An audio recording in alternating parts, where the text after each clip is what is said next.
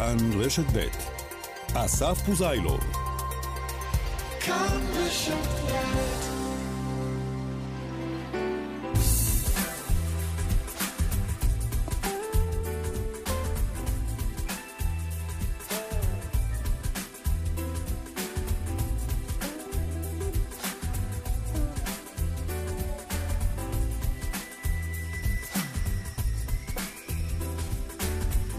תשע וארבע דקות, כאן רשת ב' ערב טוב. האיום על בחירות רביעיות בישראל בתוך פחות משנתיים הוסר ממש אה, בחצי השעה האחרונה, לעת עתה. אנחנו מיד נהיה בכנסת אה, עם עדכונים ותגובות.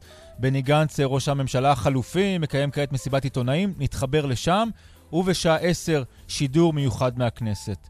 בזמן שזה קורה, ונבחרי הציבור משחקים במדינה שלמה ובמיליארדים, בניתוק מוחלט מהמציאות בישראל, הטרור בדרום משתולל, כך גם הקורונה. נדבר על עוד יום של עוד עשרות שרפות ומטענים, ובעיקר ילדים ומבוגרים מפוחדים, עד שאפילו הפסיכולוגים בעוטף עזה רוצים בפעם הראשונה שיקשיבו להם. נשמע גם עדכונים מהחקירה ומבית המשפט בנושא האונס הקבוצתי באילת, ובהחלט יש הרבה התפתחויות היום. גם על המצאה עולמית פורצת דרך במלחמה בקורונה, סוף סוף חדשות חיוביות. המצאה שפותחה לא רחוק אה, מהמקום שממנו אנחנו משדרים לכם, והיום אישר אותה משרד הבריאות, נשוחח עם אחד המפתחים. וגם, אה, לסיום, ננסה קצת להתאוורר או לקבל פרופורציות אחרות עם uh, מצודה בת 3,000 שנה שהתגלתה בגת. נדבר קצת על החיים שהיו לא רחוק מאיתנו לפני 3,000 שנה. אנחנו כאן עד 10, המפיקה אורית שולץ, הטכנאי שמעון דוקרקר. אני אסף פוזיילוב, ואנחנו קודם כל אה, אומרים שלום לזאב קם באולפן שלנו בכנסת. שלום אה, פוזיילוב, איזה ליינאפ אה, רגוע ומעניין יש לך לעומת הבלגן שיש פה במשכן, תאמין לי. עדיף אצלך מאשר פה, סתם, אני צוחק. אני לא כל כך בטוח, אנחנו נדבר על כמה דברים לא פשוטים, אבל כן, אין ספק שלך מצפה לילה ארוך, אבל הרבה פחות ארוך והרבה פחות סוער ממה שציפית, לא? נכון, אם כי צריך להגיד, אנחנו כבר בשעות האחרונות יודעים שזה לא באמת משבר שהיה אמור להוביל לבחירות, זה היה, אם תרצה, איזשהו קווץ' של השעות האחרונות. כל צד ניסה ככה להוציא עוד משהו, עוד הישג מהצד השני, לא באמת עם איום אמיתי על בחירות, כי אתה יודע, מי שהיה מה שנקרא מפוצץ את זה בשנייה האחרונה והולך לבחירות, הוא היה מוכה ציבורית כמי שבעצם הוביל לבחירות, ולא נתניהו ולא גנץ אה, באמת התכוונו אה, להוביל לשם, ולכן, אתה יודע, אני לא רוצה ככה להוריד מהדרמה, אבל בחירות ידענו שאנחנו לא הולכים, אבל אין, אין ספק שבהחלט אה, הערפל, גם הקטן שעוד נשאר, פוזר בשעה האחרונה. בואו נתחיל עם דברים שאומר ראש הממשלה אה, נתניהו, גם אחרי שהשיחות בין הליכוד לבין כחול לבן לא הגיעו להסכמות ולא צלחו לכדי ניסוח של הבנות, עדיין הוא מודיע, לבחירות לא נלך היום, הנה קטע מהדברים שהוא אמר. הדבר האחרון שמדינת ישראל זקוקה לו עכשיו זה בחירות. ולכן אני הודעתי אתמול שאני מקבל את הצעת הפשרה של חבר הכנסת האוזר על שני חלקיה, גם דחיית התקציב וגם הקמת ועדת מינויים משותפת. גם הודעתי שאני לא אשתתף במינויו של אה, היועץ המשפטי לממשלה, פרקליט המדינה ומפכ"ל המשטרה. עכשיו, לצערי, כחול לבן שבהתחלה הסכימו לפשרת האוזר, אחר כך ברחו ממנה. הוסיפו כל מיני דברים, שינו כל מיני דברים. ועדיין אני חושב שזה חוסר אחריות ללכת לבחירות, שאין לנו מסגרת תקציבית מאושרת, שאנחנו ערב פתיחת שנת הלימודים. ולכן הנחיתי את אנשי הליכוד להצביע בעד דחיית התקציב. אני אמשיך לעשות את הדבר הנכון, למנוע בחירות מיותרות שלא צריך, ואני מקווה שגם אחרים ינהגו ככה. כן, כך נתניהו. זאב, נראה שזה שוב רק אדם אחד שהחליט מתי זה יסתיים, מתי זה מתחיל. אה, נתניהו. נכון, אם כי צריך להגיד, נתניהו, מה שנקרא, עם כל זה שההחלטה היא בהחלט בידיים שלו, הוא לא, אה, מה שנקרא, אה, נקרא לזה, לא חשוף להשפעות חיצוניות. כי בסוף אם נתניהו היה הולך עם מה שהוא רצה מלכתחילה, הוא כן היה הולך לבחירות, אבל הוא ראה גם סקרים לא טובים, והוא יודע שהאווירה הציבורית מאוד עוינת את האפשרות של הבחירות, והוא גם יודע שללכת לבחירות עכשיו, כשהם יהיו רק בעוד שלושה חודשים, אתה לא יודע מה יהיה באמצע, עם קורונה, עם מצב בריאותי, עם מצב כלכלי, זה אירוע שהוא לא בשליטה שלך, ולכן נתניהו, מה שנקרא, אולי זה שהחליט בסוף, אבל הוא גם היה תלוי גם בנסיבות חיצוניות.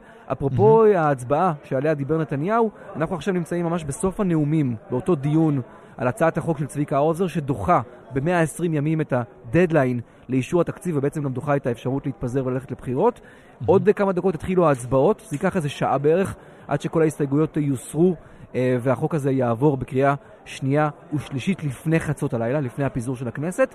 וכאן למטה, לפני כמה דקות, מדבר גם בני גנץ, אה, שר הביטחון וראש הממשלה החליפי, יושב ראש כחול לבן, עם עיתונאים, והוא בעיקר מתייחס... ממש מסיבת עיתונאים מאולתרת, אחרי שבעצם נתניהו משך ברגע האחרון את השטיח, ככה זה נראה, מתחת לנאום שהוא, שהוא כבר דאג להכין. אתה צודק לחלוטין, למעשה בהודעה של נתניהו...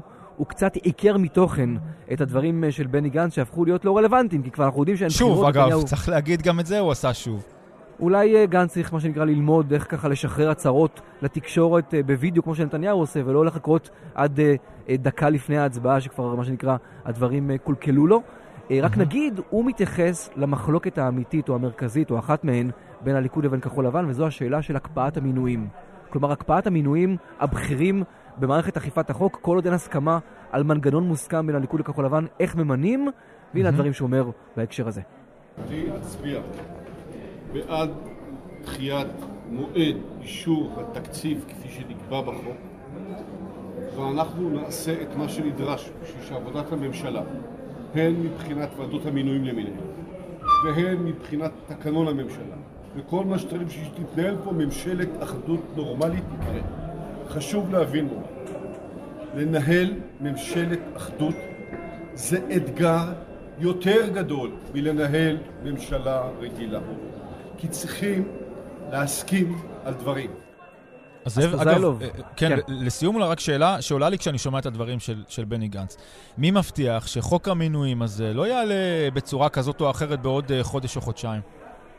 לא, צריך להגיד שזה לא, לא חוק, למעשה מדובר פה בהסכמה שגם מופיעה בהסכם הקואליציוני, שאומרת ששני הצדדים צריכים... אבל, אבל היא לא מומשה בעצם ההסכמה הזאת, זאת אומרת, אה, עכשיו היא ממומשת אחרי שהיא התחילה כהסכמה והמשיכה כאי הסכמה. בוא נאמר דבר כזה, גם עכשיו מדובר בעצם בהסכמה באוויר. אין שום דבר שמעגן את ההסכמה הזו, לא בהחלטת ממשלה, לא באיזשהו חוק אה, שחוקק בכנסת, זה נטו אמור להיות אה, על סמך רצונם הטוב של הצדדים. אם הצדדים ירצו להקים ולקיים את הסיכום הזה ולהקים את הוועדה שתהיה אחראית על המינויים, זה יוקם. אם לא ירצו ולא יגיעו להסכמות, אז זה לא יוקם. אבל מה שזה כן אומר, זה אומר שמפכ"ל, פרקליט מדינה, ואולי בהמשך גם יועץ משפטי לממשלה, אי אפשר למנות כל עוד אין את ההסכמה הזו, וזה בהחלט אה, מצב לא הכי אה, בריא אה, במדינה עם מוסדות וככה גופים שצריכים את הדברים האלה. ורק נגיד לסיום, תהיה בטוח, גם כשהחוק הזה יעבור הלילה והבחירות יידחו ב-120 יום, אלה יהיו 120 יום רוויי עימותים ואיומים ופיצוצים, מה שנקרא, לא, אה, לא, לא נשקע ככה באווירה רגועה, יהיה לנו מספיק כן. תעסוקה בכנסת גם ככה. שלא נחשוב לרגע שנשקע באיזושהי אווירה רגועה במדינת ישראל.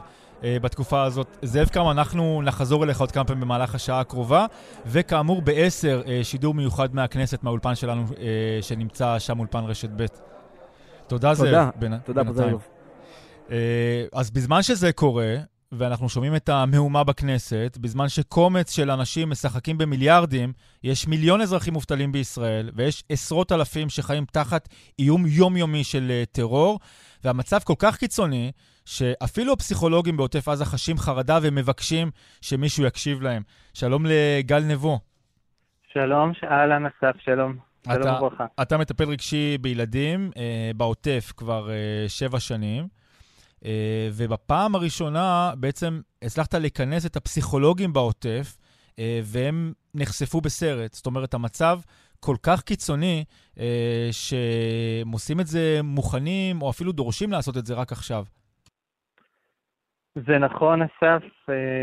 באמת המציאות הזאת היא קצת מתחברת למציאות לא נורמלית של מעט אנשים ששולטים בהמון המון אנשים. Mm-hmm.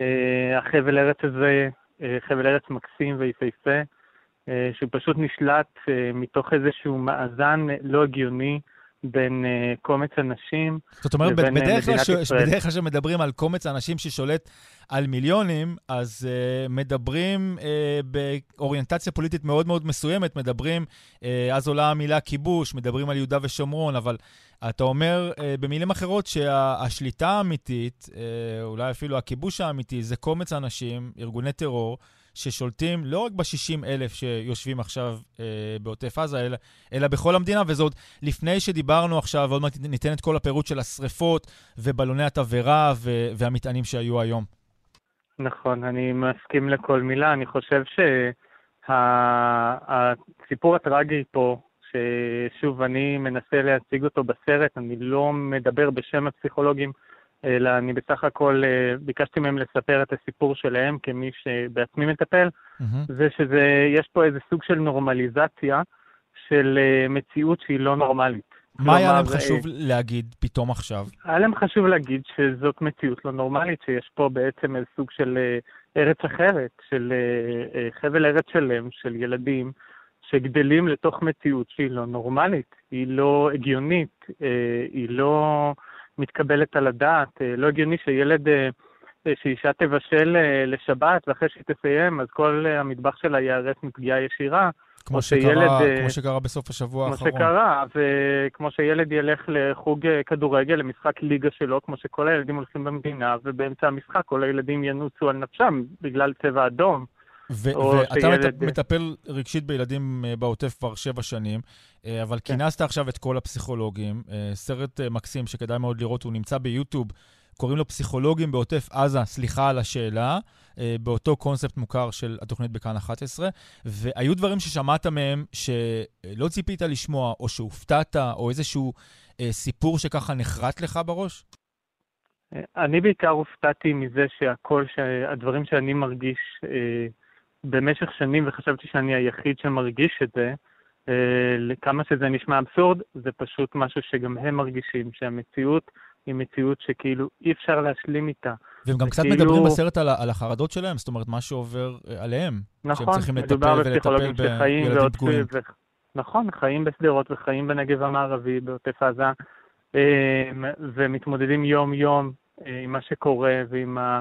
מציאות שברגע אחד משתנה וברגע אחד הופכת לשדה קרב. אה, הם מדברים על זה, הם מדברים שבשניות אה, אנחנו פתאום נמצאים ביקום מקביל, בשדה קרב אחר, ושהמציאות הזאת היא מציאות שכאילו חייבת לקבל הכרה שהיא לא הגיונית, היא לא חלק מהמשוואה, זה לא, זה לא הגיוני שזאת המציאות במדינת ישראל בשנת 2020, זה... זה כאילו מציאות שהיא לא, לחלוטין לא נורמלית. והמשאלה בעצם של כל הפסיכולוגים האלה בעוטף, היא אה, בעצם אה, מושמעת אה, בשיר, נכון? שסוגר את, ה, את, השיר, את, ה, את הסרט שלך. כן, ואני רוצה, השיר הזה נקרא חלקת אלוהים, כמובן, זה השיר המפורסם, חלקת אלוהים של נורית הירש ויורם תיארלב. ששר רבקה זוהר. ששרה רבקה זוהר, לא, והביצוע הזה של אלונה לארצ'יק, ואני רוצה להגיד מפה תודה לנורית הירש, ולבן זוגה מושי קלינדן שמלווים אותנו לאורך כל הסרט, וגם ליורם תיארלב, שפשוט תרמו את הסרט הזה מתוך uh, הסרט הזה, שהוא סרט שהוא כל כולו uh, בשביל uh, להביע את הקול של התושבים האלה. כן.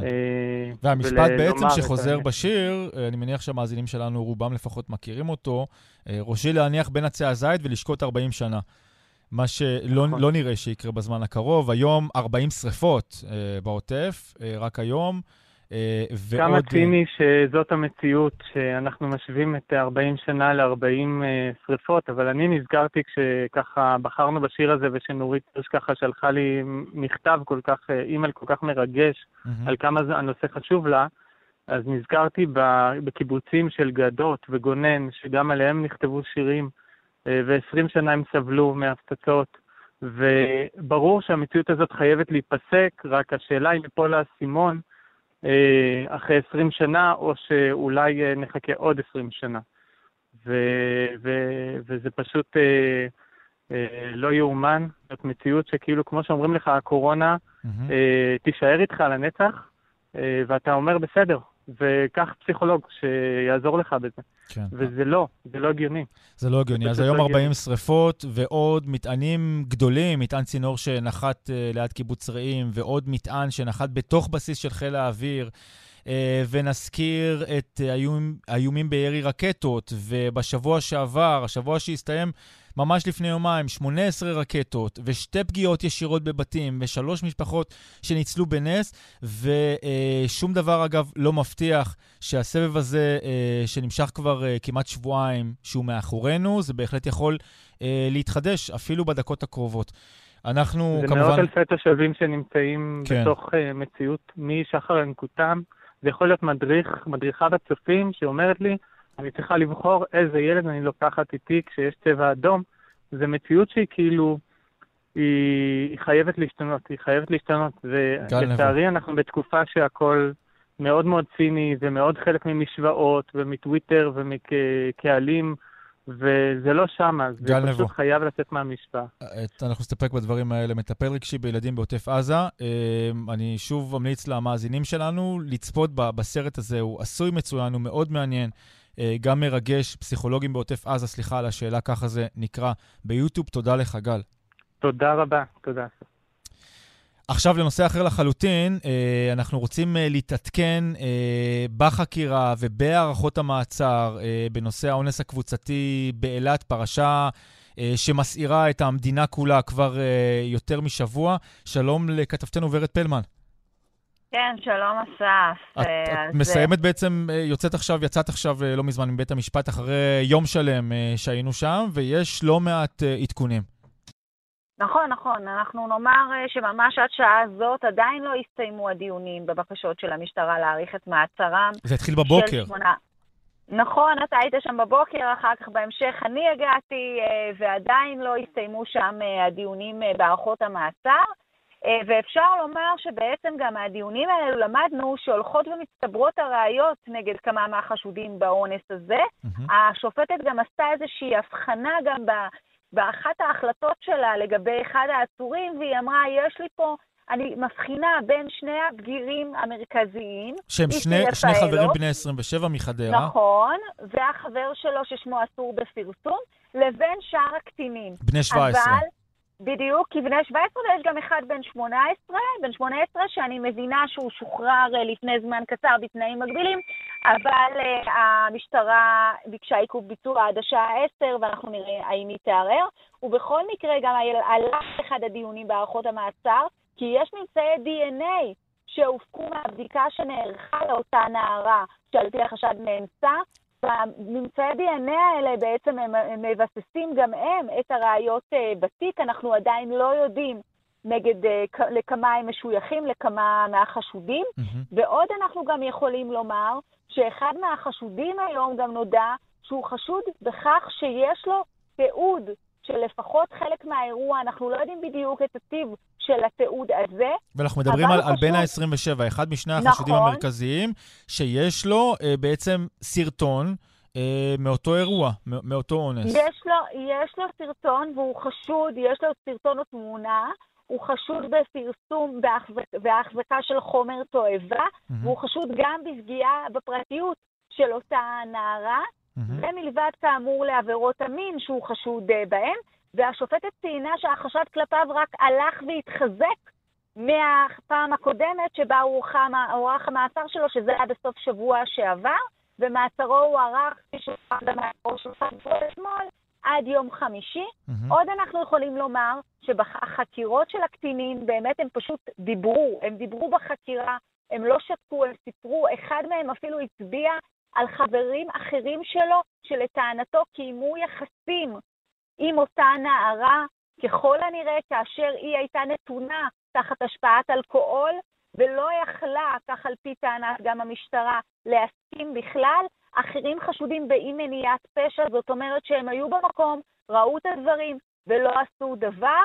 יש, אחד הקטינים גם טוען שהוא ניסה לעזור לאותה נערה, הוא נכנס לחדר אחרי שהייתה התקהלות, ראה את הקטינה ערומה, ראה עוד נערים נוספים, ולקח אותה ורצה להלביש אותה, כך לטענתו, אחר אומר שהוא רק ראה את ההתקהלות, mm-hmm. נכנס פנימה, ראה אותה עירומה, יצא החוצה. יש הרבה מאוד גרסאות, אבל אותם אה, נערים בני 17 לא שתקו בחקירות שלהם, הם סיפקו הרבה מאוד מידע, הרבה מאוד גרסאות, mm-hmm. אבל השופטת לא מתרשמת שלגבי כולם יש צורך להאריך את מעצרם, ולכן חלק אה, בעצם היא קובעת שילכו אה, למעצרי בית או לשחרורים אה, בלי תנאים, אבל יש שניים שהם, מעצרם מוארך בשלושה ימים, אנחנו מדברים על נערים בני 17, כך שמעצרם מוארך בשלושה ימים, זה אומר שכן יש ראיות שקושרות אותם ישירות למעורבות שלהם באירוע האונס, וגם אולי באירועים הנוספים שקשורים לתיעוד אולי והפצה של האירועים אה, הללו, כך שיש באמת התקדמות אה, רבה ביממה-שתיים האחרונות. היום עוכבו לחקירה עוד שני קטינים נוספים כבני 17, ובמשטרה עוד אומרים, אסף, אומרים לנו שצפויים עוד מעצרים נוספים. אוקיי, אז, אז ורד, בואי נסכם את כל uh, שטף המידע הזה uh, בסיפור uh, המורכב uh, וכל המידע החדש. אז קודם כל, עשתה היום השופטת את ההבחנה שהייתה די ברורה מלכתחילה, אבל עכשיו זה באמת הרבה יותר רשמי. הבחנה בין החשודים, בין שתי קבוצות של חשודים, שני בני 27, אה, תושבי חדרה, לאחד מהם אנחנו כבר יודעים שיש עבר פלילי מאוד מאוד עשיר בעבירות אלימות, אה, ואפילו התבטאות אה, מול שוטרת שאמר לה, הייתי רוצה לאנוס אותך, אותו איסי רפאלו והחבר שלו, אז הם בעצם החשודים המרכזיים. נכון. שהחשד היום נגדם יותר התחזק, ויש גם ממצאי DNA שנמצאו וגם קושרים אה, את חלק מהחשודים, אה, ככל הנראה, את השניים המרכזיים האלה. זה גם מה שעלה היום אה, בבית המשפט. עוד דבר משמעותי, שהנערים בני ה-17, שהם אה, גם בני דודים וגם אחים וגם חברים, יש כל מיני קשרים בין אותם נערים בני 17 נכון. ממושבים בדרום, אז את באמת מספרת לנו שחלקם דיברו בחקירה והפלילו לכאורה אחד את השני, כשהם סיפרו שהם ראו את חלק מהחברים או בני הדודים שלהם מקיימים יחסי מין עם אותה נערה בת 16 בזמן שהייתה שיכורה לחלוטין. נכון, נכון מאוד. אה, זה העדכון, ובסך הכל אנחנו יכולים uh, לומר שקטין, רק קטין אחד שוחרר עד כה לגמרי ממעצר. השאר בעצם ששוחררו היום בבית המשפט, המשטרה ביקשה עיכוב ביצוע, יש חלק שהערעור יידון עוד היום, אחרים עוד מחר, אה, ו- וכולי וכולי, ואנחנו צפויים אה, לעוד אה, התפתחויות כנראה בתיק הזה. יפה מאוד, אז מודה לך מאוד, כתבתנו ורד פלמן. נסיעה טובה לך. הביתה, שתהיה לך. תודה. אנחנו יוצאים לפרסומות דקה וחצי בלבד, אחר כך עוד עדכונים מהאולפן שלנו בכנסת, כל התגובות, אה, וגם המצאה עולמית לבדיקות קורונה שיוצאת אה, מהנגב, חידוש אה, פטנט עולמי, שהיום אישר משרד הבריאות לשימוש בישראל. בשעה הזאת אנחנו מדברים על שלושת הנושאים המרכזיים שמעסיקים אותנו אפילו די באובססיביות בחודשים האחרונים. אה, האיום אה, בבחירות והמצב הפוליטי, המצב הביטחוני והאיום אה, מעזה וגם איום הקורונה. אז זה בעצם הנושא שאנחנו עכשיו נדבר עליו, ובניגוד אולי לשני הנושאים הקודמים, אז בנושא הזה סוף סוף יש איזה שהן חדשות אה, מעודדות אה, וחיוביות, וזה יוצא ממש אה, מכאן, מהדרום, אפילו לא רחוק אה, מהאולפן שלנו. נגיד אה, ערב טוב לפרופסור אנג'ל פרוגדור. ערב טוב, שלום אסף. אתה אה, אה, חוקר במכון הלאומי לביוטכנולוגיה בנגב באוניברסיטת בן גוריון. אנחנו נפגשנו לפני משהו כמו אה, חודש וחצי במעבדה שלך אה, באוניברסיטה, ואז סיפרת לנו על אותה המצאה, אה, אה, המצאה פורצת דרך, אה, ממש ברמה עולמית, שיצאה מהמעבדה אה, שלך ושל החוקרים שעובדים איתך, והיום סוף סוף, אחרי הרבה זמן, משרד הבריאות מאשר אה, להשתמש בה בישראל. למעשה משרד הבריאות נתן אישור להשתמש בשיטת האיגום שפיתחנו בשביל להעלות את היעילות אה, של בדיקות הקורונה המולקולריות. נתן לה אישור להשתמש במעבדות אה, וירולוגיות קליניות, למעשה כבחינה אה, לקיום וירוס נבדקים. אוקיי, okay, עכשיו, אני, שוחחנו לא מעט, ואני יודע שיש לך יכולת לפשט ולדבר בצורה מאוד ברורה. אה, בנוגע למחקר שלך. אז בוא עכשיו, אה, את כל מה שאמרת ככה ננסה אה, להוריד אה, אה, לקרקע אה, אנשים שהם לא מדענים. אתם בעצם הצלחתם למצוא שיטה שתקצר בפי שמונה עד פי עשרה את, גם את זמן הבדיקות אה, וגם את המחיר שלהן. כן. הצלחנו לפתח שיטה, וכשאני אומר הצלחנו, אני מתכוון גם לפרופסור אה, תומר ארץ ולדוקטור נועם שנטל מהאוניברסיטה הפתוחה. Mm-hmm. הצלחנו לפתח שיטה של איגום, שהכוונה היא בה שאנחנו לוקחים את הדגימות היחידניות של הנבדקים השונים ומאגמים אותם למאגדים, אה, שלמעשה כל דגימה יחידנית נכנסת למספר מאגדים, ואנחנו בודקים רק את המאגדים האלה, כך שאם יש לנו למשל 384 בדיקות יחידניות לבדוק, אנחנו מאגמים אותם ל-48 מאגדים. Mm-hmm. כל דגימה יחידנית נכנסת לשישה מאגדים, אבל יש לה סוג של תביעת מאגדים מסוימת שמאפיינת רק אותה. אנחנו עושים את הבדיקה רק על המאגדים. ומהתוצאות שאנחנו מקבלים על המאגדים, ללא סיבוב בדיקה נוסף, אנחנו יכולים להצביע על הדוגמאות היחידניות המקוריות, שבהן למעשה היו הדגימות החיוביות. זאת אומרת, אתה, אתה כן. בעצם מצליח לקחת כמות גדולה של בדיקות, ולהפוך אותה למספר הרבה הרבה יותר קטן של קבוצות, נכון? במקום 400 בדיקות, 35 קבוצות, משהו כזה. במקום 400 בדיקות, אם נעגל 50 בדיקות. 50 בדיקות. יעילות פי 8, זה גם מתבטא בפחות כוח אדם, זה גם מתבטא בפחות מקום, פחות תשתיות, וכמובן, ירידת המחיר של כל בדיקה. ואתם כבר ניסיתם את זה? ניסיתם את זה על, על אוכלוסיות גדולות. ניסינו את זה על אה, יותר מ-5,000 אה, בדיקות, ולמעשה כיום אנחנו מנסים, אה, זה לא רק אנחנו מנסים, למעשה משרד הבריאות פתח במהלך להביא לארץ קרוב ל-12 רובוטים כל רובוט למעבדה אחרת. הרובוטים האלה מיועדים על מנת לקחת ולהפוך את אותם 400 בדיקות ל-50 מאגדים, mm-hmm. וכל מעבדה. קלינית וירולוגית שתקבל אליה את הרובוט הזה, בעצם תוכל, עם אותה תשתית שקיימת לה כרגע, לייעל או להקפיץ את מספר הבדיקות שהיא יכולה לעשות פי שמונה, או לחילופין לחסוך במחיר הבדיקות פי שמונה. אז כמה בדיקות, העניין. נגיד, אם אנחנו מנסים... אה... אה, לדבר על אה, מספרים אה, יותר ספציפיים. במידה ומחר יש את כל 12 הרובוטים האלה במעבדות בארץ, כמה בדיקות אפשר לעשות בהשוואה להיום? אז אני אתן דוגמה מהמעבדה הווירולוגית בבית חולים סורוקה. אם המעבדה הווירולוגית היום בבית חולים סורוקה מסוגלת לעשות בלחץ, באיגום כל המשאבים שלה, כאלף בדיקות ביום, היא תוכל לעשות כ-8,000 בדיקות ביום. Mm-hmm. אז קח ותעביר את זה לכל, המפ... לכל המעבדות הווירולוגיות הקליניות בארץ. אם מדובר שהיום מדינת ישראל יכולה לעשות קרוב ל-30 אלף בדיקות שכל המערכת נמתחת עד הסוף, מה שנקרא, כן. אז עכשיו אפשר להכפיל את זה, בוא נאמר, אולי לא בשמונה, כי יש גם את כל נושא הדיגום עצמו, ואתה יודע, הדיגום עצמו מה... נבדקים לא משתנה, אבל למעל 100 אלף בדיקות כן. בוודאות. זאת אומרת, אם עכשיו באמת אה, ישראל מגיעה איכשהו ל-20, 25 אלף בדיקות ביום, אז אז בקלות, אתה אומר, אפשר להגיע ל-100 אלף בדיקות ביום. אה, ומה אחוזי הדיוק של, אה, של הבדיקות האלה, כשהן נעשות okay. אוקיי. בקבוצות? אחוזי, אחוזי הדיוק צריכים להיות uh, מלאים לחלוטין, כל עוד אחוז, הנבדק, כל עוד אחוז הנבדקים uh, עם הווירוס בתוך כלל האוכלוסייה אינו עולה על אחוז מסוים שנקבע מראש. כלומר, היעילות הזאת של פי 10 היא יעילות נכונה אם אחוז הנדבקים בתוך האוכלוסייה הנבדקת אינו עולה על 1%.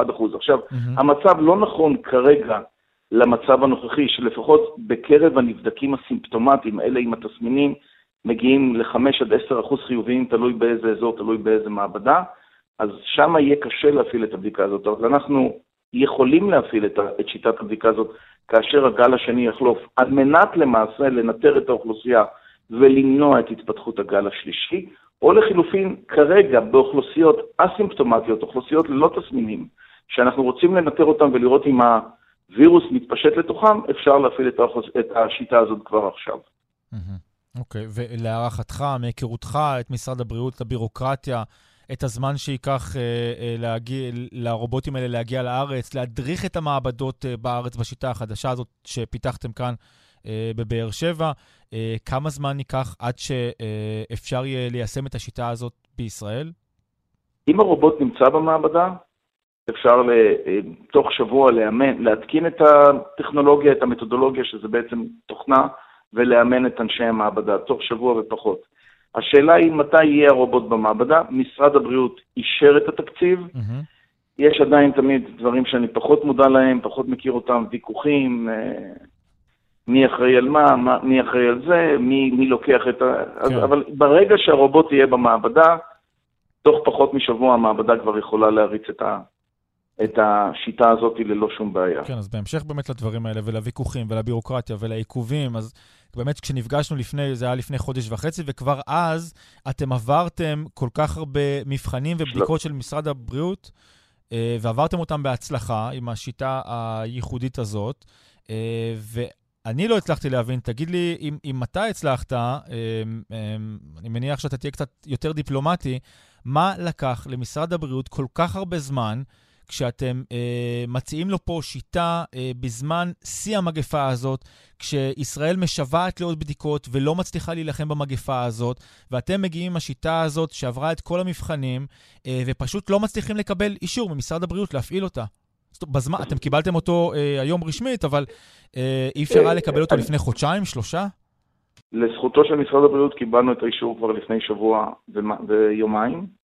Uh-huh. זה דבר ראשון. אמנם, יכול להיות יותר מוקדם, אני לא אתווכח איתך על זה.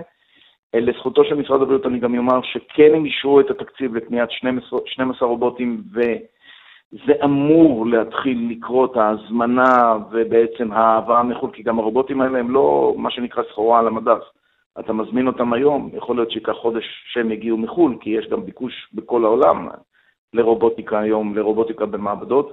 אבל זה אני אגיד לזכותו של משרד הבריאות. uh-huh. כן הגיע בסופו של דבר, היו גם כאלה שאמרו שהוא לא יגיע בעולם, שמשרד הבריאות לא יצא מהתבניות שבהן הוא עובד, אז לזכותו של משרד הבריאות אני אגיד שזה כן קרה.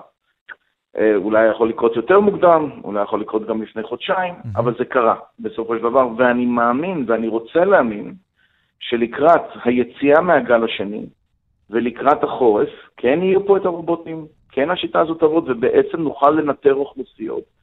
גם להבדיל בין קורונה לבין שפעת, ונוכל בעצם להיות מוכנים טוב יותר לניטור ובעצם להתמודדות עם הגל השלישי של הקורונה שיכול לקרות בסופו של דבר אחרי שהגל השני ירד. כן, ו- ובעצם השיטה שאתם פיתחתם בהחלט יכולה להוות נשק מאוד משמעותי, נכון? לקראת, לקראת החורף, שאפשר להכפיל את כמות הבדיקות האלה אה, פי שמונה או פי עשרה. ואגב, אפשר להשתמש במערכת הזאת אה, לבדיקות אה, מסוג אחר, לא רק בדיקות קורונה? למעשה לכל בדיקה, למשל של וירוס השפעת, לכל בדיקה יקרה, לכל בדיקה שאחוז הנשאים הצפוי הוא נמוך, אפשר להשתמש בבדיקה הזאת ולהוריד עלויות בצורה מאוד משמעותית, ויותר חשוב מזה, להגביל, להגביר את היעילות, להגביר את היכולת למעשה ללא שינוי התשתית, שזה okay. אוקיי. החלק היותר חשוב. אוקיי, okay. זאת אומרת, התשתית כבר uh, תהיה קיימת, ואז אפשר יהיה להשתמש בזה uh, להרבה מאוד בדיקות אחרות. אותה תשתית, להרבה, כן, בוודאי, זה גם נכון. הרובוטים האלה שיותקנו יוכלו, יוכלו לאפשר שיפור יעילות התשתיות, שיפור הניצולת של התשתיות בצורה מאוד משמעותית לכל הבדיקות האחרות שעושים בוא... במעבדות הווירולוגיות הקליניות. אוקיי, עכשיו נדבר על זה אולי קצת מבחינה כלכלית. קודם כל, אתה אומר שישראל צריכה 12 רובוטים כדי uh, uh, לפעול בכל המעבדות המרכזיות בארץ. כמה עולה כל רובוט כזה שמשרד הבריאות רוכש?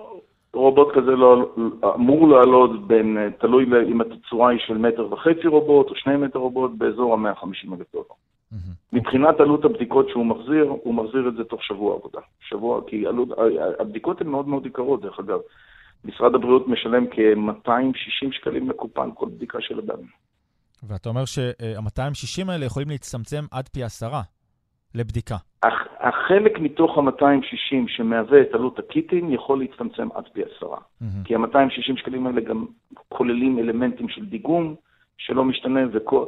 אבל החלק שמהווה את כוח העבודה שמתעסק באזור הזה ועלות הקיטים יכול להצטמצם בצורה מאוד מאוד משמעותית, משמעותית ולהוריד את עלות הבדיקות בצורה מאוד מאוד משמעותית. את ההמצאה שלכם אתם רשמתם כפטנט? כן, יש עליה שני פטנטים, זה נכון. ויש לך אה, בערך אה, סדר גודל או, או צפי ל, אה, לרווח שאתם, שאפשר, שהאוניברסיטה או שאתם אה, יכולים אה. לקבל אחרי שתמכרו אותה בעולם? קודם כל, כל, כל המצאה של מדען במסגרת אוניברסיטה היא שייכת לאוניברסיטה, זה הרווח של האוניברסיטה, זה דבר ראשון. ב', קטונתי מלנבות רווחים. אה, יותר נכון לחשוב ולדחוף לכך שהשיטה הזאת תיושם גם בארץ, גם בעולם, דרך אגב, ותקטין עלויות ותעלה תפוקות. כן. וככה אנחנו חושבים, אם יהיו רווחים, ברוך הבא. במקרה הזה הממציאים מקבלים אחוזים מהרווחים כשמוכרים את ההמצאה שלהם בעולם? ההמצאה היא של האוניברסיטה, אבל למדענים, לממציאים, למדענים הממציאים יש הסכם עם האוניברסיטה. כן, זה נכון. אוקיי, okay, אז, אז אני מרגיש שקצת לא נוח לך לדבר על זה, לא ניכנס לעניין הזה. אבל אני כן רוצה לשאול אותך עכשיו בעניין אחר. כן. אה, אתה צריך להגיד לך מזל טוב, אתה ממש לאחרונה נבחרת להיות אה, דיקן אה, הפקולטה למדעי הבריאות. זאת אומרת, נכון, בית הספר לרפואה באוניברסיטת בן גוריון. כן. כן, אחד, נכון. כן, אחד הבתי הספר המרכזיים בישראל. ויש במשך שנים, זה עניין ידוע, שבבית הספר לרפואה בבן גוריון יש מעין איזשהו חיכוך, או נקרא לזה במרכאות מלחמה בין הרופאים לבין החוקרים, מי יהיה דיקן בית הספר, תפקיד שיש לו המון השפעה גם על הרופאים וגם, וגם על החוקרים. ואחרי המון המון שנים אז נבחר חוקר להיות דיקן בית הספר, שזה אתה. אולי זו אפילו פעם ראשונה שיש חוקר דיקן בית הספר לרפואה? פעם שנייה מתוך עשרה דיקנים. פעם שנייה. מתוך כמה שנים זה? 70 שנה? משהו כזה? 40 שנה, 40 שנה. לפקולטה למדעי הבריאות ולבית ספר לרפואה. כן, הפקולטה למדעי הבריאות, דרך אגב, כוללת 3,300 סטודנטים. 700 מהם הם רפואנים, אבל כמובן שיש לנו גם סטודנטים בכל שאר מקצועות מדעי הבריאות ומדעי הבריאות בקהילה. אז מה החזון שלך לא... בעצם לבית הספר הזה, לזמן הקדנציה שלך? לפקולטה למדעי הבריאות, החזון שלי הוא קודם כל אחדות, אחדות בין כל הגוונים המרכיבים את הסגל הפקולטה המדעי, האקדמי והאדמיניסטרטיבי. אז אחדות בראש ובראשונה, לא הייתי קורא למה שהיה מלחמה או חיכוך, היה חילוקי דעות. אבל עכשיו הפנים קדימה לעבודה משותפת, וכמובן שהעבודה המשותפת הזאת צריכה להעלות גם את האיכות ההוראתית, שהיא לא רעה בכלל, גם את האיכות המחקרית וגם את התמיכה או את השירות לקהילה. אתה כמעט נשמע כמו בני גנץ, ששמענו אותו, את הדברים שלו בתחילת, אה, בתחילת היומן שלנו, אה, קודם לכן. אה, אוקיי. יש... אני אזהר עכשיו בלשוני. אגב, אנחנו עוד מעט נחזור כן נחזור עוד מעט לעדכונים מהכנסת, אבל באמת, יש איזה שהם שינויים שאתה חושב ליישם אותם? כן, בהחלט. אנחנו רוצים להתקדם, להעלות את... להקים בית ספר לרפואה ארבע שנתי אחרי תואר ראשון, כמו שיש למשל באוניברסיטת תל אביב, כמו שיש בצפת, על מנת כמובן להעלות את מספר הרופאים אה, שאנחנו מחנכים, לקוות שיותר רופאים שאנחנו מחנכים יישארו באזור הדרום, בבית החולים סורוקה, וייתנו שירות לקהילה שבה אנחנו חיים. Mm-hmm. יש, יש עוד ועוד אה, חזונות, כמו למשל להעלות את האפשרות למחקר משותף ביו-רפואי בין רופאים לבין חוקרים. Uh, כמובן, גם לטובת הקהילה, להוסיף לעצמנו מרכזים רפואיים, גם מרכזים רפואיים שנמצאים באזור שלנו, מרכזים כמו עלי נגב ומרכזים נוספים. Mm-hmm.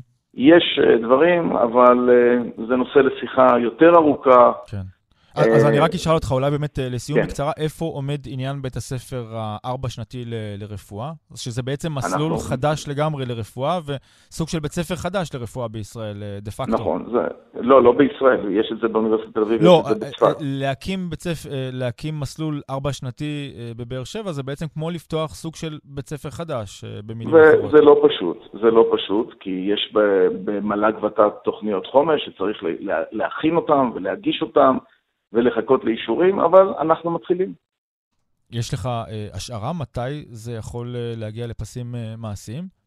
הייתי רוצה בשנה הבאה, אבל אה, במציאות אולי עוד שלוש שנים במקרה הטוב.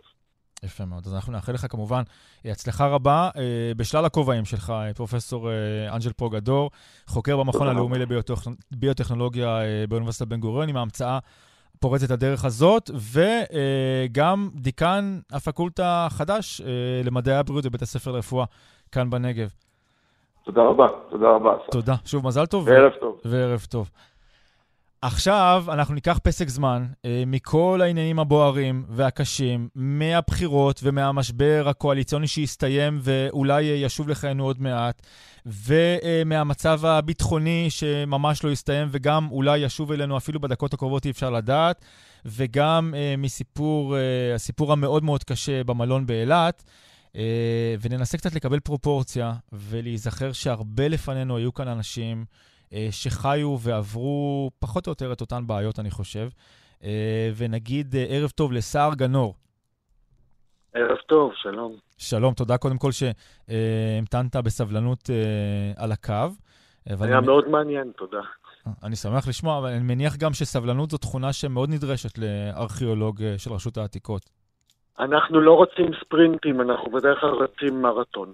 אז הנה, אז אתם, המרתון שלכם הביא תוצאה אה, יפה מאוד. אתם הצלחתם למצוא מצודה כנענית בת 3,200 שנה. אה, נכון, המצודה הזו שסמוכה לקיבוץ גלאון היא בהחלט הפתעה מעניינת מאוד. Mm-hmm. אם נדייק היא 3,150 שנים, אפילו כך אנחנו יכולים לומר. Uh-huh. מדובר במצודה שלוקחת אותנו, לא נעים לומר, אבל חדשות מהעבר. אה, שם במהלך המאה ה-12 נאבקו בדיוק במקום שאנחנו נמצאים היום אה, שלושה גורמים מרכזיים באזור, הישראלים שהגיעו זה עתה ויושבים על ההר, הפלישתים שהגיעו זה עתה ויושבים על החוף, במישור החוף, והכנענים והמצרים שהיו פה אה, זמן ארוך לפניהם. אז זה נשמע ממש, ממש כמו מה שקורה לנו עכשיו. זאת אומרת, אין לנו, לא... אין לנו את הכנענים, אבל יש, אמרת, יש ישראלים, יש פלישתים, היום אפשר לקרוא להם אולי פלסטינים, המצרים עכשיו קצת באיזה פאוזה, אבל אה, גם אה, משם מדי פעם אנחנו מקבלים איזה שהן דרישות שלום. זאת אומרת, זה היה לפני 3,150 שנה, גם אז. אני, אני חושב שהמלחמות והגורמים להם לא משתנות אה, בבסיס שלהם, הן נותרות תמיד אותן, מאותן סיבות. אבל פה אנחנו מדברים בהחלט על מאבקי שליטה בשטחים, כאשר הפלישתים פולשים מהים מזרחה והישראלים, ייקח להם עוד קצת, קצת אבל הם יפרשו מערבה. ואותם אה, כנענים אה, בחסות מצרית יושבים בתווך, ולמעשה מקימים איזושהי אה, מצודה על נחל גוברין, שזה קו הגבול בין העיר הכנענית הגדולה והממלכה של לכיש, לבין העיר הגדולה ששכנה בגת, היום תל צפי, ליד כפר מנחם מצפון לה, וקו הגבול עבר בנחל גוברין, ושם אנחנו מצאנו את המצודה הסופר אה, מעניינת הזו, אה, שנפתחת מחר אה, לקהל הרחב, הוא מוזמן לבוא. יפה מאוד. אז אם מחפשים, אם, אם אנשים לא בדיוק יודעים איפה זה נחל גוברין ואיפה ישבה העיר גת או העיר הפלישתית בלכיש, אז פשוט אפשר לכתוב בווייז? כן, אם תכתבו בווייז קיבוץ גלאון, ממש ביער גוברין מולו נמצא האתר הזה. והאתר הזה הוא אה, סופר מעניין, הוא באמת לוקח אותנו לרגעי דרמה בארץ ישראל במאה ה-12. ימי השופטים וכ... בעצם, השופטים התנ"כיים. נכון, אם קוראים את אה, ספר שופטים, שהוא ספר מאוד מאוד מעניין, mm-hmm. אז, וקוראים למשל את סיפורי שמשון. אז שמשון נאבק במי? בפלישתים, נכון? אבל הוא גם אהב נשים פלישתיות. אז אה, החיים כנראה קצת יותר מורכבים מהיו רק פלישתים או רק ישראלים או רק כנענים, כי הריאליה של ספר שופטים בעצם מנבט לנו את אותן מלחמות שהתרחשו בין השלושה גורמים האלו. כן, ומתרחשות גם עכשיו. ומתרחשות גם עכשיו, רק שבסופו של דבר הכנענים איכשהו נטמעים ונעלמים, ואנחנו נותרים ל-400-500 שנים הבאות mm-hmm. עד חורבן בית ראשון עם הפלישתים והישראלים היהודאים. אוקיי, okay, אז uh, uh, ועדיין נותרנו איתם, אני חושב, uh, עם אותם uh, עמים שנלחמים כאן. אז uh, לסיום, תאמר לנו שר גנור, מה שעות הפתיחה של המצודה העתיקה הזאת uh, שמצאתם? לא, זה נהדר, היא פתוחה חינם, אין כסף, אפשר לבוא. קרן קיימת לישראל השקיעה במקום גם לא רק רשות העתיקות. באיזה שעות וימים? פשוט להגיע או שהאזור הזה מגודר? אפשר פשוט לבוא, זה חניון שהוא פתוח לקהל הרחב, אה, ביער גוברין, אפשר לבוא, ליהנות מהחניון. ומול קיבוץ גלאון אנחנו אומרים. כן, ליהנות מהשילוט וההסבר, אוקיי. ובהחלט בעידן הקורונה אנחנו שמחים ברשות העתיקות לפתוח עוד אתר עתיקות. יפה מאוד. צער גנור, ארכיאולוג אה, מחוז אשקלון ברשות העתיקות, תודה לך. תודה רבה לכם. צלילה לעבר הזאת, כן, שנתנה לנו פרופורציה, ואנחנו נשארים עם עוד צלילה אחת קצרה לעבר. נגיד אה, שלום לדוקטור אלנה קוגן זהבי. היי, ערב טוב. היי, ערב טוב. את גם ארכיאולוגית ברשות העתיקות. את נכון מנהלת חפירות אה, באזור רהט. אה, כן, כן. אז בשתי הדקות אה, וחצי שנותרו לנו, לפני שאנחנו צוללים בחזרה למקלחת אה, רצינית מהמציאות שלנו, ועוברים לאולפן שלנו בכנסת ולזאב קם, בואי תספרי לנו מה אתם גיליתם. אוקיי, okay, אז אני קושרת את עצמי למקלחת שדיברת קודם, כי אנחנו באמת, מה, שמצ... מה שמצאתי בחפירה זה מה שאנחנו קוראים בערבית מזבנה, זה בית מל... מלאכה לייצור סבון. Mm-hmm. זה בעצם הדבר הכי מרתק שמצאנו בחפירה. בעצם מצאנו בית עמידים מלפני 1,200 שנה, אנחנו mm-hmm. קופצים קדימה לתקופה האסלאמית הקדומה. Uh-huh. ומה שאנחנו גילינו זה בעצם בית מלאכה שעד עכשיו לא ידענו, ידענו על קיומו של הסבון המוצק אה, במאה העשירית לספירה, כי כבר ההיסטוריונים האסלאמיים ואפילו הרופאים מדברים על, על תחילתו של, שיו, של שיווק או ייצור סבון שמבוסס על שמן זית. זהו חידוש גדול משום שעל סבון אנחנו שומעים כבר כבר אלפי שנים. אבל א', לא ידענו מה, למה הכוונה, וב', אנחנו יודעים שהסבון שימש גם נגיד רחיצת ביגוד. Mm-hmm. אבל אנחנו לא יודעים דבר על עניין, על, על סבון מוצג ששימש לרחצה של זית. הגוף. כן, אה, של, של, של, של הגוף בכלל, mm-hmm. משום ששיטת הרחיצה הייתה טבילה במים ומשיכת הגוף בשמן. ובתקופה האסלאמית יש איזשהו חידוש, שאולי אפשר לקשור אותו לתהליך הפולחני הדתי של המוסלמים, של לרחוץ את הגוף הרבה פעמים, mm-hmm. ואז פתאום אנחנו שומעים לראשונה במקורות הכתובים על זה שהנה, שיש לנו סבון שמתחיל שמתחילים לייצר בארץ הקודש, והוא בעצם מופץ לכל רחבי העולם האסלאמי. אנחנו מדברים על בית מלאכה שבעצם שנמצא ברהט, שהוא אפילו קדום יותר, שהוא בעצם מהמאה השמינית לספירה. זה 1200 שנה בערך. נכון, זאת אומרת שיכול להיות שהוא בעצם הקדום שאנחנו יודעים, כאילו, ברור שהוא הקדום שאנחנו יודעים עד עכשיו, וזה מה שמרתק בו. אה, וזה אפשר לי ככה לצלול לתוך כל העניין הזה של תעשיית סבון. אנחנו יודעים שכנראה תחילתו של הסבון שמופק משמן זית, mm-hmm. באמת התחיל מהארץ, והצלבנים במסעות הצלב העבירו אותו לאירופה. זה מדהים, זאת אנחנו... אומרת, יכול להיות שהמפעל הסבון הזה, קוראים, אתם קוראים לזה מסבנה, אה, יכול להיות שמכאן, מהמפעל הזה אה, ברהט, יצא סבון לכל אירופה, שזה באמת אחת, אחד ממפעלי הסבון הקדומים ביותר, לא רק בארץ, אה, בעולם. אה, נכון. עכשיו, מה שעוד מעניין, שבמקביל לאינפורמציה הזאת, או לאזכור תעשיית הסבון, ספר של מדד, שאנחנו יודעים מהמקורות האסלאמיים, uh-huh. גם באירופה התחילו לייצר סבון. אבל הם ייצרו את הסבון משומן בעלי חיים ושומן של חזיר. Okay. כך אוקיי. שברור שלא ניתן היה להשתמש בסבון הזה, גם לא המוסלמים וגם לא היהודים. עכשיו, מי שרוצה, וגם... כן, לסיום, באמת, כי, כי זמננו קצר, אנחנו צריכים okay. אוקיי. לחזור לצערי אה, למציאות אה, שלנו, כן. למר, למרות שהשיחה הזאת באמת מרתקת. אה, הציבור יכול להגיע ולצפות במסבנה העתיקה הזאת, אחת העתיקות בעולם, ויחד עם בית חווה שמצאתם והסברים אחרים, אפשר להגיע? זהו, האמת היא שלצערי לא. רשות העתיקות ערכה שבוע שעבר יום פתוח, שבעצם האתר נפתח לציבור הרחב, mm-hmm. אבל האתר הוא בעצם, זו חפירת אה, בדיקה. זאת אומרת שכל השטח מיועד להרחבה, כן, אוקיי, להרחבה שכונה ברהט. מה עושים עם כל האתר הזה שנמצא, לסיום? אנחנו, כרגע הוא, אנחנו נכנסים אותו, הוא כמובן תועד מכל זווית אפשרית, uh-huh. מכון ויצמן חוקרים בו ולקחו דגימות. אבל הוא בעצם דגימות, מכוסה כאילו לא היה. אבל הוא מכוסה כרגע. אוקיי, אז, אנחנו, אז אני מבטיח שאנחנו נטפל uh, בשבועות הבאים uh, בכל העניין הזה, בכל האוצרות הטבע וההיסטוריה שנמצאים בכל מיני שכונות, בייחוד כאן uh, בנגב, ואחר כך בעצם מעלימים אותם. התעסקנו בזה בעבר, שמענו זעם מאוד קשה של אחד הארכיאולוגים הבכירים בישראל על כך שאוצרות יהודיים והיסטוריים פשוט נעלמים בידי המדינה והופכים פשוט למגרשי בטון. אה, אבל נדבר על זה בשבועות הקרובים, אני מבטיח. אה, תודה לך, אה, דוקטור אלנה קוגן זהבי מרשות העתיקות. ועכשיו, כמו שהבטחתי, אנחנו חוזרים לזמננו כאן ועכשיו. זאב קם בכנסת, שלום. זאב קם, כתבנו בכנסת, מיד אנחנו מתחברים. הנה עוד כמה שניות של מעבר בין העבר להווה שלנו. אה, אחרי שאיום אה, הבחירות הרביעיות בתוך פחות משנתיים הוסר לעת עתה, אה, לפני כשעה. עכשיו אנחנו רוצים לפנות אליך זה ולשמוע קצת תגובות, ואם יש איזה שהן התפתחויות בנושא הזה.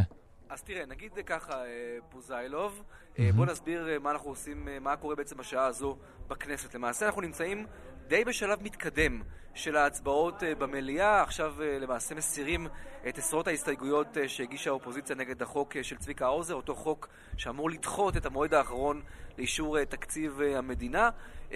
אנחנו רואים תמונה די לא שגרתית. ראש הממשלה נתניהו וראש הממשלה החליפי בני גנץ יושבים זה לצד זה עם רווח של כיסא אחד, אתה יודע, מגבלות קורונה וכאלה, אבל יושבים זה לצד זה בשולחן הממשלה במליאת הכנסת, תמונה שלדעתי לא ראינו כבר שבועות ארוכים אה, במליאה. בכלל, השניים האלה לא בדיוק ישבו יותר מדי בסמוך גם בפורומים אחרים. זה יותר נדיר מהחפירות הארכיאולוגיות, מהממצאים הארכיאולוגיים שדיברנו עליהם לפני כמה דקות. אתה יודע, זה לפחות מתחרה באופן משמעותי עם התמונות האלה, כמו שאתה אה, מתאר, של אותן חפירות ארכיאולוגיות. אבל אם ככה נהיה ככה טיפה יותר אה, רציניים, אנחנו לקראת אה, סיום ההצבעה, ההסתייגויות מופלות בזו אחר זו, ובעוד כמה דקות למעשה יאושר החוק באופן סופי.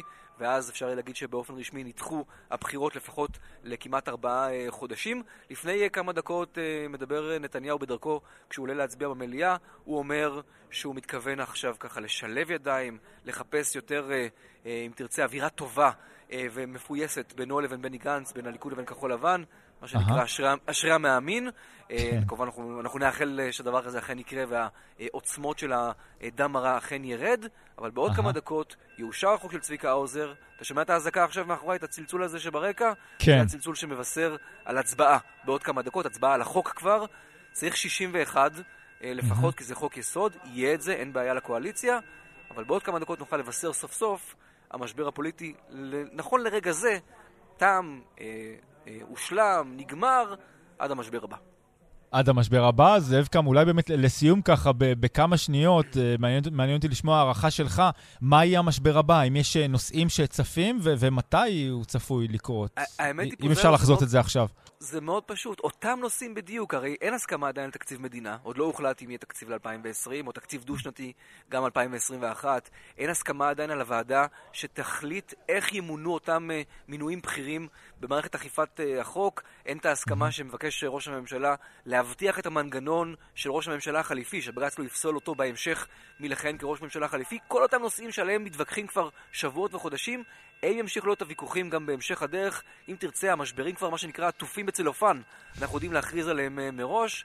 אנחנו, uh, הם יישארו איתנו גם בתקופה uh, הקרובה, ורק נגיד לסיום, לפני שאנחנו בורחים, שאנחנו רוצים להגיד גם תודה רבה לראובן מן שמפעיל את העמדה פה ברשת ב', ואנחנו נהיה מיד אחרי חדשות השעה 10, אני ואייכלר היקר במשדר מורחב מ-10 עד 12. עם הרבה מאוד רעיונות כאן אה, בעמדה, שרים, ח"כים, נלווה את האירוע הזה עד לסיומו וגם לאחר מכן. יפה מאוד. אז ממש אה, מיד אחרינו, נודה לך, אה, זאב קם. תודה. Uh, תודה לך, תודה uh, גם לראובן מן הטכנאי איתך uh, בכנסת, באולפן המיוחד, תודה ללירון אהרון אסולין שנמצאת שם ומפיקה את השידור שיתחיל uh, מיד אחרינו.